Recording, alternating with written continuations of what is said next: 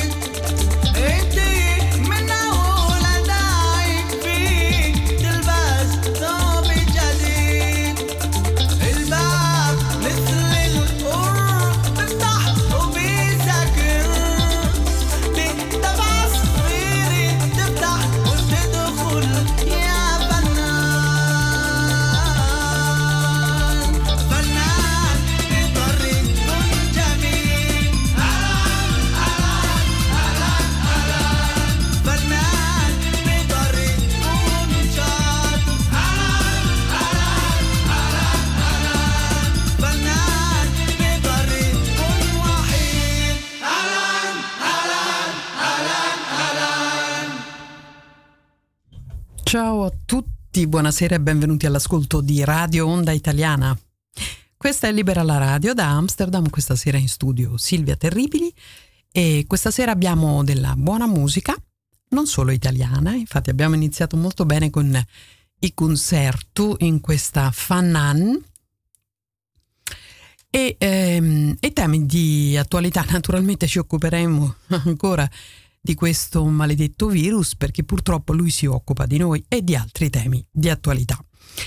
Ehm, io vorrei iniziare con un brano di eh, Vasco Brondi, Le luci della centrale elettrica. Il brano si intitola Iperconnessi.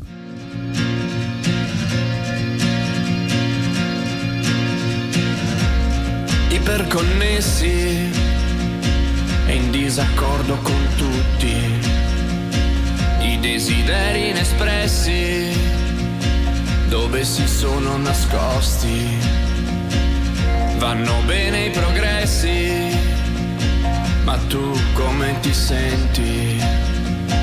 I territori promessi sono sotto ai bombardamenti, tirati da tutte le parti e mai contenti, con visi più scavati, faccine sorridenti, cerchi, tu mi allontani, dallo schermo provi a sporgerti i tuoi vent'anni. Commenti feroci, polsi sempre appoggiati, alla fine sono passati, abbastanza inosservati.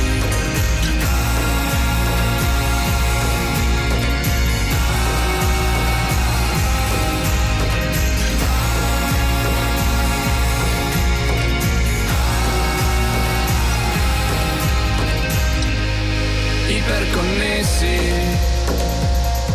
Sono grandi successi, sono grandi insuccessi, immagini terrificanti per intrattenerci. Sullo schermo nero i riflessi,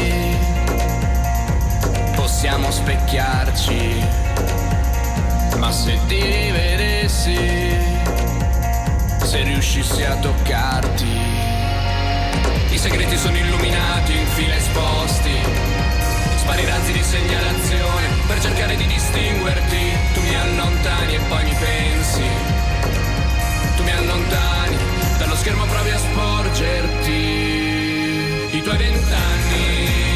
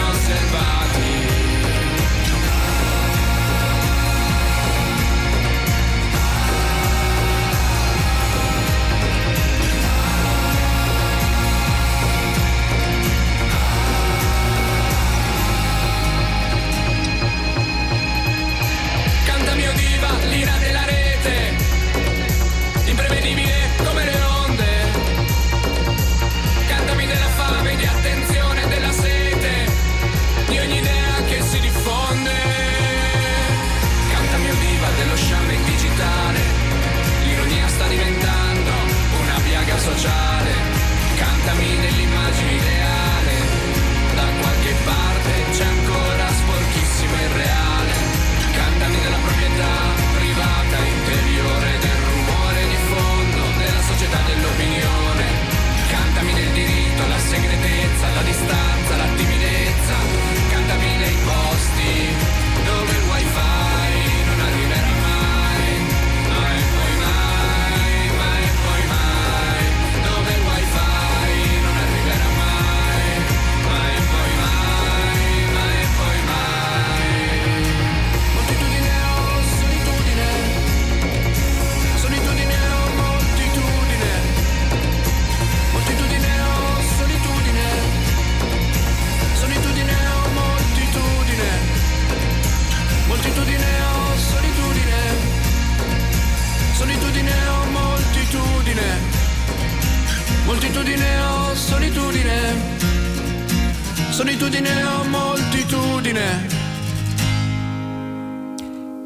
Questi erano le luci della centrale elettrica Vasco Brondi.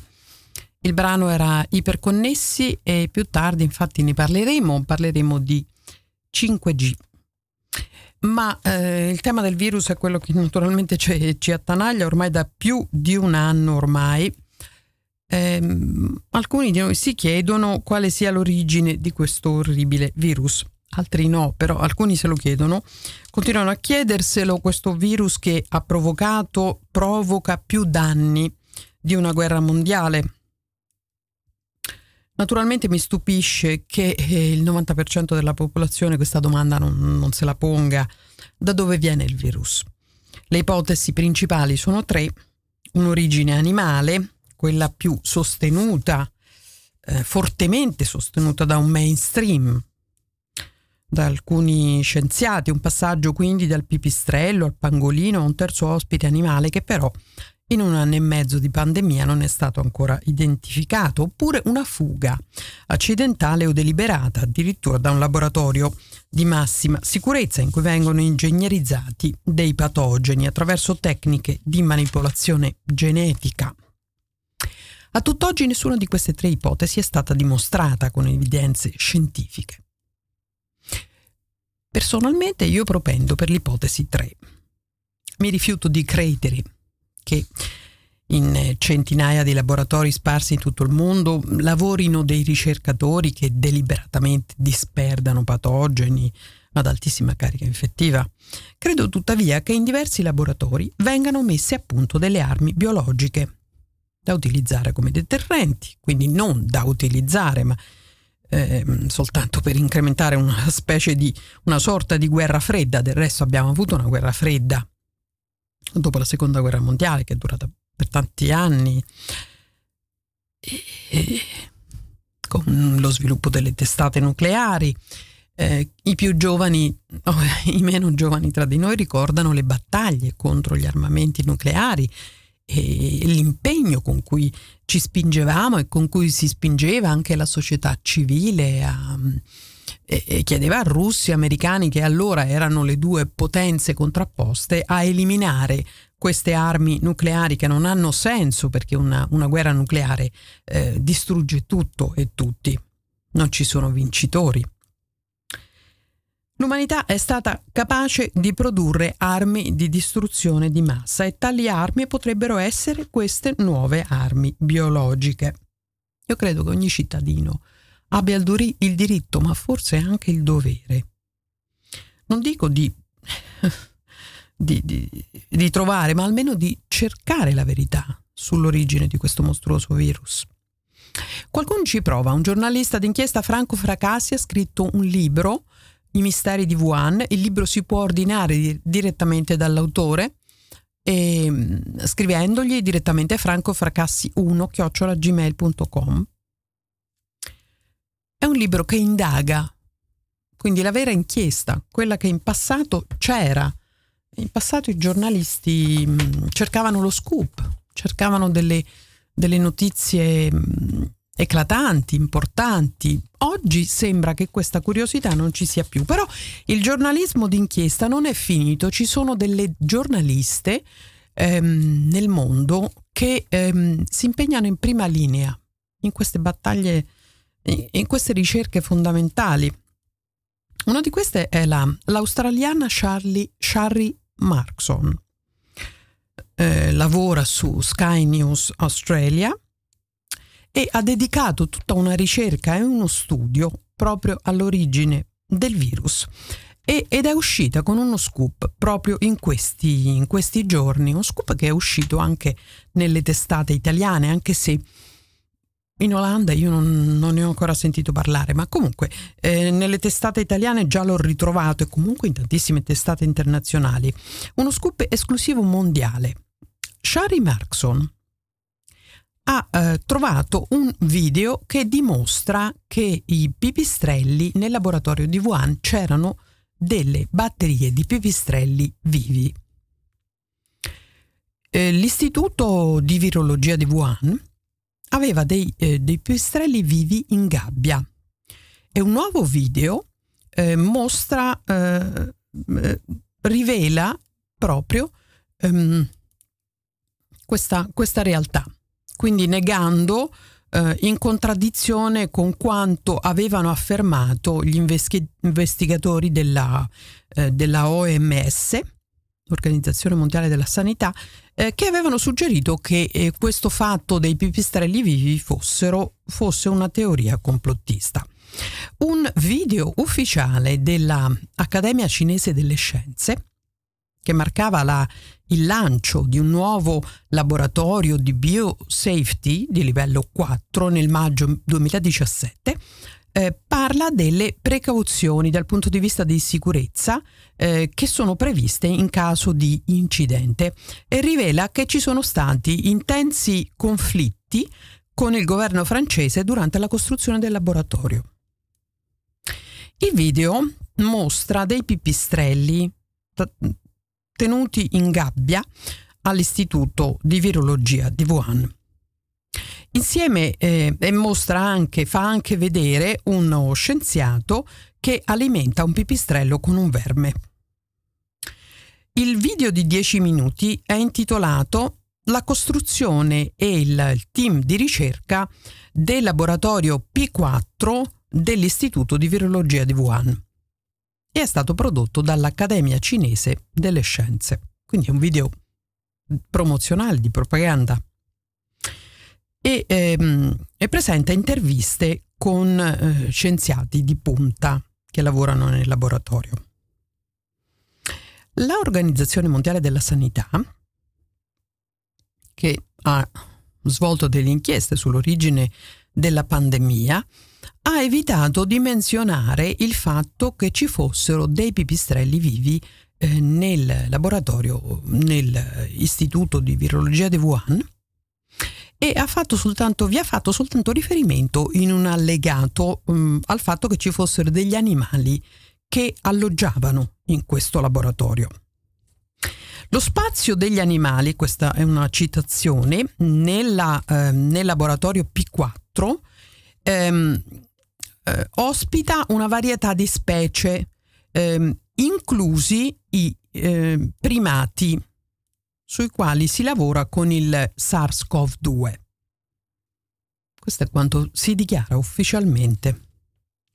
Un membro dell'Organizzazione Mondiale della Sanità, della, della squadra, del team ehm, che eh, investigava l'origine della pandemia a Wuhan, eh, lo zoologo Peter Daschak, ha detto che ehm, era eh, complottista suggerire che eh, pipistrelli venissero ehm, allevati all'istituto di virologia di Wuhan. Quindi secondo lui era un complotto, era una teoria complottista. In realtà non era così. Eh, in un tweet datato dicembre 2020, Peter Daschak ha detto che non sono stati inviati pipistrelli al laboratorio di Wuhan per analisi genetica eh, o virus eh, raccolti sul campo. Eh, scusate, per l'analisi genetica di virus raccolti sul campo. Quindi ve lo dico in inglese, no beds were sent to Wuhan lab for genetic analysis of viruses collected in the field. That's not how this science works. Noi non lavoriamo così. Noi raccogliamo campioni di pipistrelli, li inviamo al laboratorio, li rilasciamo i pipistrelli dove li abbiamo catturati. Questa è sempre la citazione dello zoologo Peter Daschak. In un altro tweet datato dicembre, eh, 11 dicembre 2020 dice Uh, this is a widely circulated conspiracy theory. Questa è una teoria complottista che sta circolando um, fortemente. This piece describes work I'm the lead on. Questo, questo mm, pezzo descrive il lavoro che io sto guidando. E i laboratori con cui ho collaborato per 15 anni. Essi non hanno pipistrelli vivi o morti presso di loro. They do not have live or dead bats in them. Queste sono le parole di Peter Tarzak. Non ci sono prove di nessun tipo che questo sia avvenuto. È un errore che spero venga corretto. Ma così non è, perché il video dell'Accademia Cinese delle Scienze mostra chiaramente la presenza di gabbie, di pipistrelli, non solo ma anche di altri animali. Tra l'altro mostra anche delle immagini di, di topi umanizzati, quindi topi eh, trattati, trasformati geneticamente, quindi c'erano vari tipi di, di animali, venivano eh, tenuti in questo laboratorio e utilizzati per esperimenti. Questo mese Peter Daszak ha, eh, ha ritrattato i suoi, eh, i suoi dinieghi eh, precedenti e ha ammesso che l'istituto di Wuhan, l'istituto di virologia di Wuhan, potrebbe aver ospitato pipistrelli, ma ha ammesso che lui non gliel'aveva chiesto. Quindi Peter Daszak faceva parte della delegazione che è andata in missione in Wuhan a febbraio scorso. C'erano anche dei rappresentanti olandesi, rappresentanti della comunità scientifica internazionale e la domanda se nel laboratorio di Wuhan ci fossero dei pipistrelli vivi sui quali veniva sperime- venivano sperimentati dei virus non è stata neppure fatta. Il video fa parte di un'inchiesta per il libro What Really Happened in Wuhan, che cosa è accaduto veramente a Wuhan. Disponibile, che si può ordinare online. Il libro è stato eh, scritto da Sherry Markson, è una giornalista di Sky News Australia. Peter Tassak, richiesto al quale è stato chiesto di, di dare un commento a quanto rivelato da questo scoop australiano, non ha, non ha dato nessuna risposta, no comment.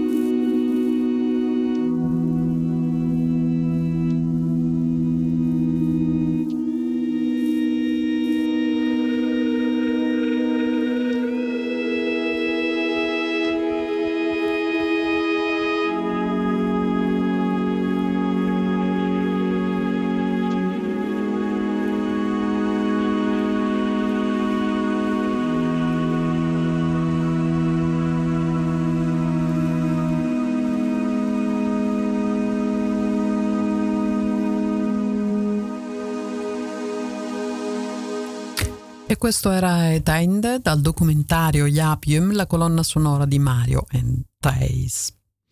E veniamo al tema del, del 5G. Il 5G eh, perché è stato inventato? Beh, in realtà eh, lo scopo principale è quello di sbarazzarsi delle norme sulla telefonia fissa, quindi incentivando il wireless, incentivando la, il collegamento eh, internet eh, wireless, wifi. Ma è veramente, veramente necessario? Certamente eh, sì, è necessario eh, nel senso che se lo smartphone diventa eh, indispensabile per vivere, se non si può vivere più senza smartphone, è chiaro che bisogna avere, continu- essere continuamente connessi, eh, collegati a internet e, e quindi ehm, 5G diventa, diventa indispensabile. Ma è veramente così indispensabile? Noi abbiamo vissuto per tanti, tanti anni senza. E, mm, sì, certo, poi alcuni diranno non si può tornare al passato, eh, viviamo in un'altra era, viviamo in un altro secolo, non si può fare a me, non si può vivere senza smartphone. In realtà mh, mm, si può vivere benissimo senza una connessione totale, si può utilizzare il cavo. Il cavo di fatto internet via cavo è la forma di collegamento anche meno impattante sull'ambiente. È la forma più verde e invece si sta facendo l'opposto. E tra l'altro si dimentica anche il fatto che eh, per mantenere queste immense database eh, collegati quindi alla, alla telefonia mobile, quindi per mantenere questi miliardi di dati nel mondo in continuazione disponibili, eh, si consuma tantissima elettricità, quindi si stanno creando dei parchi eh, solari o dei parchi eolici soltanto per alimentare questi giganteschi eh, database. E poi abbiamo eh, naturalmente la sorveglianza di massa, quindi dobbiamo essere tracciati in ogni secondo, in ogni istante della nostra vita. Questo significa che tutti i nostri dati devono finire in questi database che devono essere alimentati, quindi consumano elettricità. E, ehm, e poi abbiamo l'inquinamento elettromagnetico, del quale si parla troppo poco anche l'irraggiamento nell'aria. Eccoci, c'è questo progetto di Elon Musk di lanciare internet dallo spazio con i satelliti che dovrebbero inviare, eh, inviare le, le, onde elettromagnetiche eh, sulla Terra. Sì, sono tutte tecnologie naturalmente eh, che, che vogliono ribaltare quello che è stato finora la tecnologia cablata, ma noi dovremmo poter scegliere, dovremmo poter, eh, dovrebbe poter esistere una autodeterminazione digitale. Eh, per questo l'alleanza Stop 5G, nata in Italia con collegamenti internazionali, promuove i disconnessi day, che sono giorni in cui si prova a, ad essere disconnessi. Quindi ehm, ci si può collegare al cavo, ma ehm, non ci si collega in maniera eh, wireless. È una forma anche di libertà. Eh, non dimentichiamo il, il, fattore dell'inquinamento elettromagnetico, non dimentichiamo anche il carico dell'inquinamento eh, sulla eh, riduzione della ehm, sull'attacco alla salute del, dell'inquinamento in generale. Non dimentichiamo che il 23% dei morti nel mondo è dovuto a fattori ambientali. Noi siamo esposti continuamente a un cocktail di inquinanti. Naturalmente l'esposizione agli inquinanti è diversa da persona a persona eh, e così la stessa cosa vale per l'esposizione ai campi elettromagnetici. Non tutti abbiamo la stessa identica patologia dopo un'esposizione ai campi elettromagnetici. Questo non vuol dire che non ci siano dei danni generici. È difficile dare delle linee di certezza. In realtà eh, l'esposizione ai campi elettromagnetici dovrebbe essere la più bassa possibile, la più vicina possibile all'esposizione naturale, perché sappiamo che i danni, i danni ci sono se mm, innalziamo i livelli di esposizione, soprattutto se questa esposizione è continuata per varie ore, per vari giorni e per tutta la vita praticamente.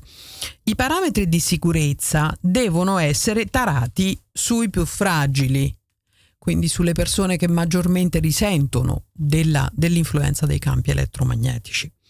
Basti pensare che il limite in Italia per l'esposizione ai campi elettromagnetici era di 6 volt metro, eh, che, ehm, che, oggi c'è una lobby che spinge perché questo limite venga innalzato a 61 volt per metro, ma noi vediamo che in condizioni naturali, negli ambienti non eh, più, più, puliti, nel, nei boschi, nei parchi, eh, l'intensità dei campi elettromagnetici è qualcosa tipo 0,2 o 0,6 eh, volt per metro, quindi possiamo immaginare che cosa voglia dire già i 6 volt per metro, addirittura che cosa può essere, che cosa può significare 61 volt metro, essere esposti giornalmente a questo tipo di inquinamento. L'alleanza italiana Stop 5G torna a manifestare e lo farà nell'ambito di una giornata di protesta mondiale che si terrà il 21 giugno con un presidio davanti alla direzione generale della RAI. Questo presidio è promosso per rivendicare il diritto a ricevere un'informazione libera e pluralista sui pericoli dell'Internet delle cose e del futuro digitale. È inammissibile l'assenza di un dibattito sul 5G. Il negazionismo perché di, di, questo si tratta, sui rischi e l'appiattimento sulle posizioni delle pubblicità commerciali e degli uffici stampa dei colossi delle telecomunicazioni, da quando l'Italia è stata scelta come capofila per la sperimentazione del 5G. Gli abbonati RAI e i cittadini sono volutamente stati messi all'oscuro dei gravi pericoli ambientali e sanitari che inevitabilmente porterà il futuro digitale elettromagnetico. È inaccettabile poi una trasmissione transumanista come Codice, la vita è digitale, che parla di microchip sotto pelle e robot nella vita di ogni giorno, persino nel mondo del lavoro a discapito della forza lavoro umana.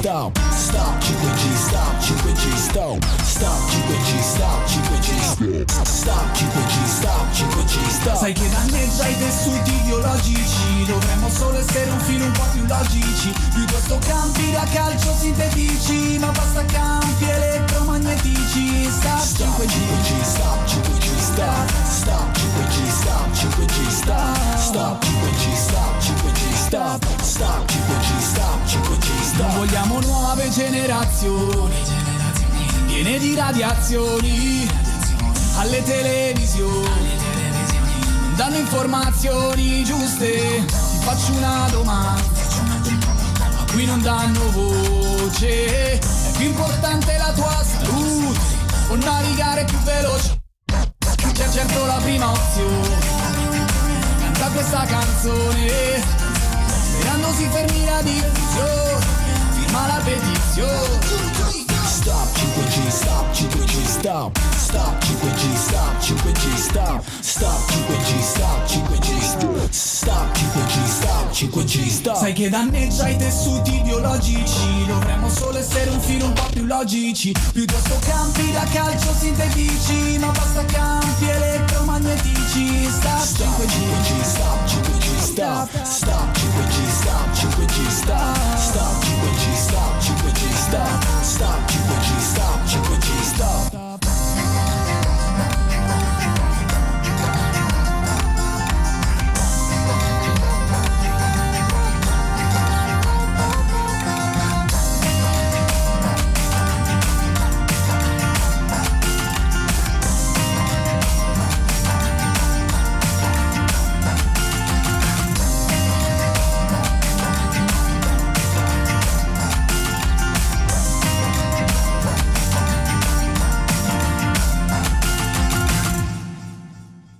E questi erano i Flamboy in Stop 5G.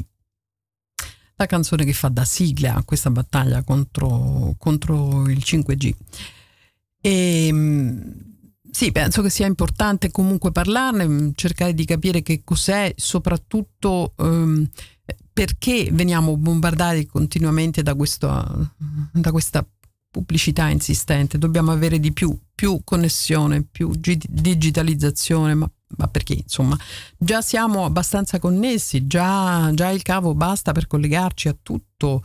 E la necessità di essere con, continuamente connessi giorno e notte in, in realtà non esiste e, e, si può benissimo restare connessi al mondo ehm, senza essere sempre legati alla, alla, allo smartphone. Beh, passiamo a un altro argomento, eh, parliamo un po' di cultura. Il 21 giugno ci sarà la festa della musica, si festeggia la festa della musica e ehm, affascinante e imprescindibile la musica rappresenta il linguaggio globale per eccellenza. L'Istituto Italiano di Cultura di Amsterdam e il progetto Suoni Italiani della New Age Production, in occasione della festa della musica, sono lieti di presentare il videoconcerto The Festival con alcuni dei migliori artisti del panorama musicale italiano, dal pop al jazz alla classica contemporanea, in versioni e collaborazioni inedite. Il concerto è arricchito da suggestive immagini del eh, nostro paese, eh, con particolare attenzione al patrimonio artistico e al legame stretto che ogni artista ha con la propria città di provenienza. La musica, le immagini e l'alto livello artistico dei musicisti selezionati rappresentano uno straordinario contributo del nostro paese a questo grande evento internazionale. Tra gli artisti che parteciperanno a questo concerto eh, ricordiamo Raymond Zovino, Roberto Gatto, Dan- Daniele Sepe Quintet, eh, Susanna Stivali Quartet, Irene Grandi, Fabio Concato, Alice Ricciardi, Danilo Rea, Luciano Biondini, Chiara Pancaldi Quartet e Arbe, Alberto Marsico. Il concerto verrà trasmesso il 21 giugno sui canali social Facebook e YouTube dell'Istituto Italiano di Cultura a partire dalle ore 18. E più tardi vi farò ascoltare mm, qualche eh, brano di questi musicisti che parteciperanno alla festa della musica che si terrà il 21 giugno online sui canali dell'Istituto di Cultura. E ora passiamo a ascoltare Carmen Consoli che ci propone uno dei suoi grandi successi, Parole di burro.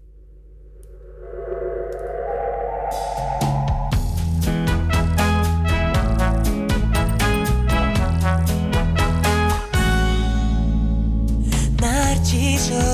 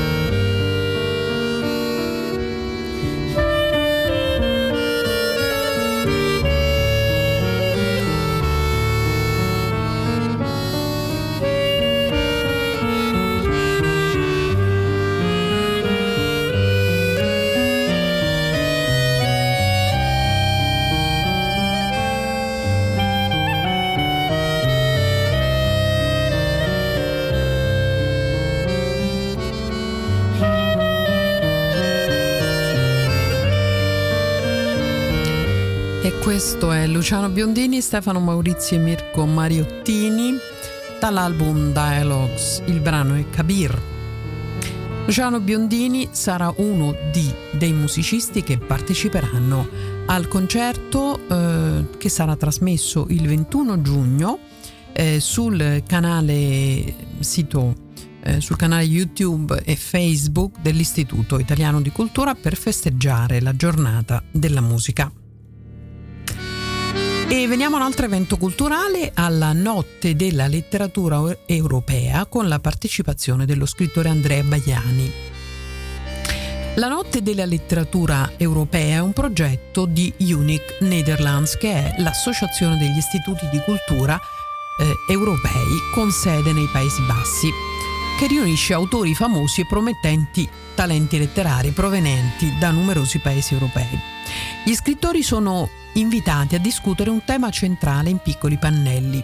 Durante la notte della letteratura europea 2021 che sarà trasmessa in live stream, verrà celebrata la letteratura europea in tutta la sua diversità.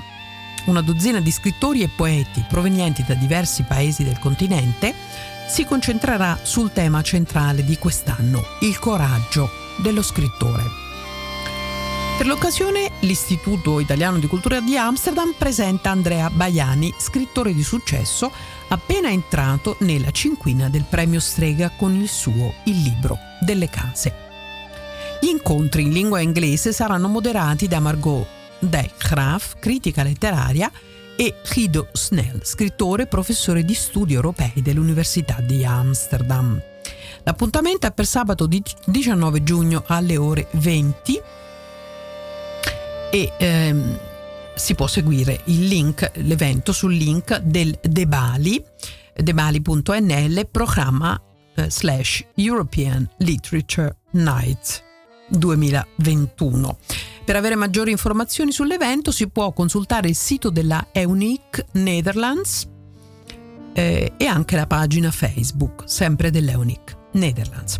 E ricordiamo che Andrea Baiani quindi è nella cinquina finale del premio Strega con il suo libro Il libro delle case, un libro che, che ho letto, che è un, molto bello, un libro difficile, eh, che in realtà va letto due volte perché la prima volta spiazza veramente moltissimo, e, però ha tutta una sua costruzione mm, mm, scritto bene, eh, è un libro sicuramente da leggere, è un libro forse triste, eh, che però ehm, profondo scritto bene, ragionato bene e sicuramente eh, uno scrittore, Baiani è uno scrittore che, che merita um, di, di, partecipare a questa corsa finale per il premio, premio Strega.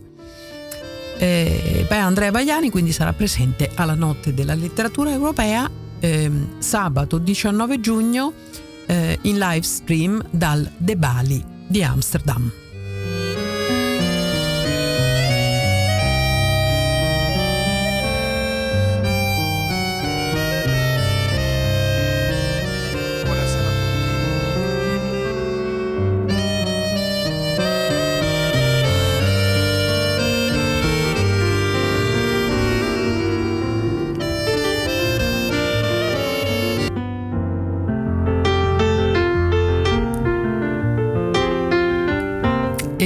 Questo al pianoforte è Danilo Rea e lo sentite Here Comes the Sun.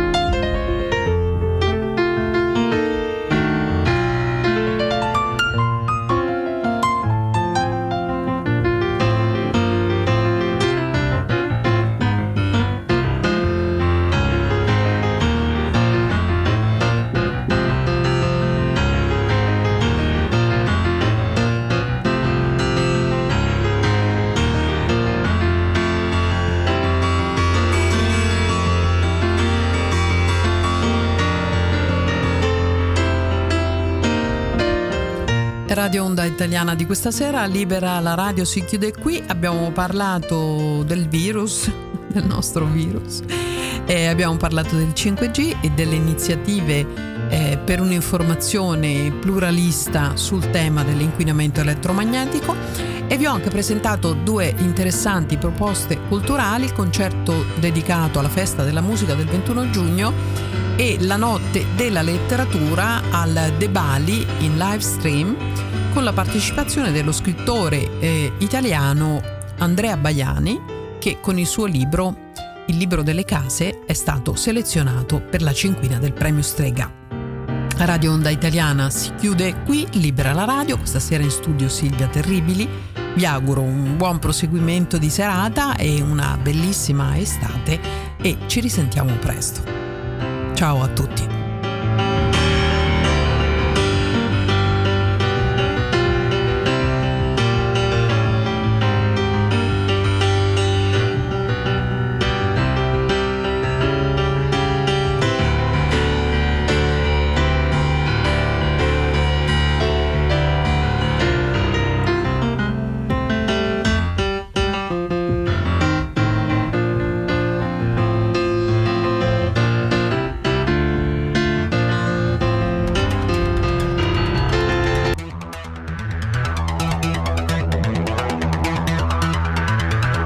Ascoltato Libera la radio, a cura di Silvia Terribili. Informazione, musica e cultura italiana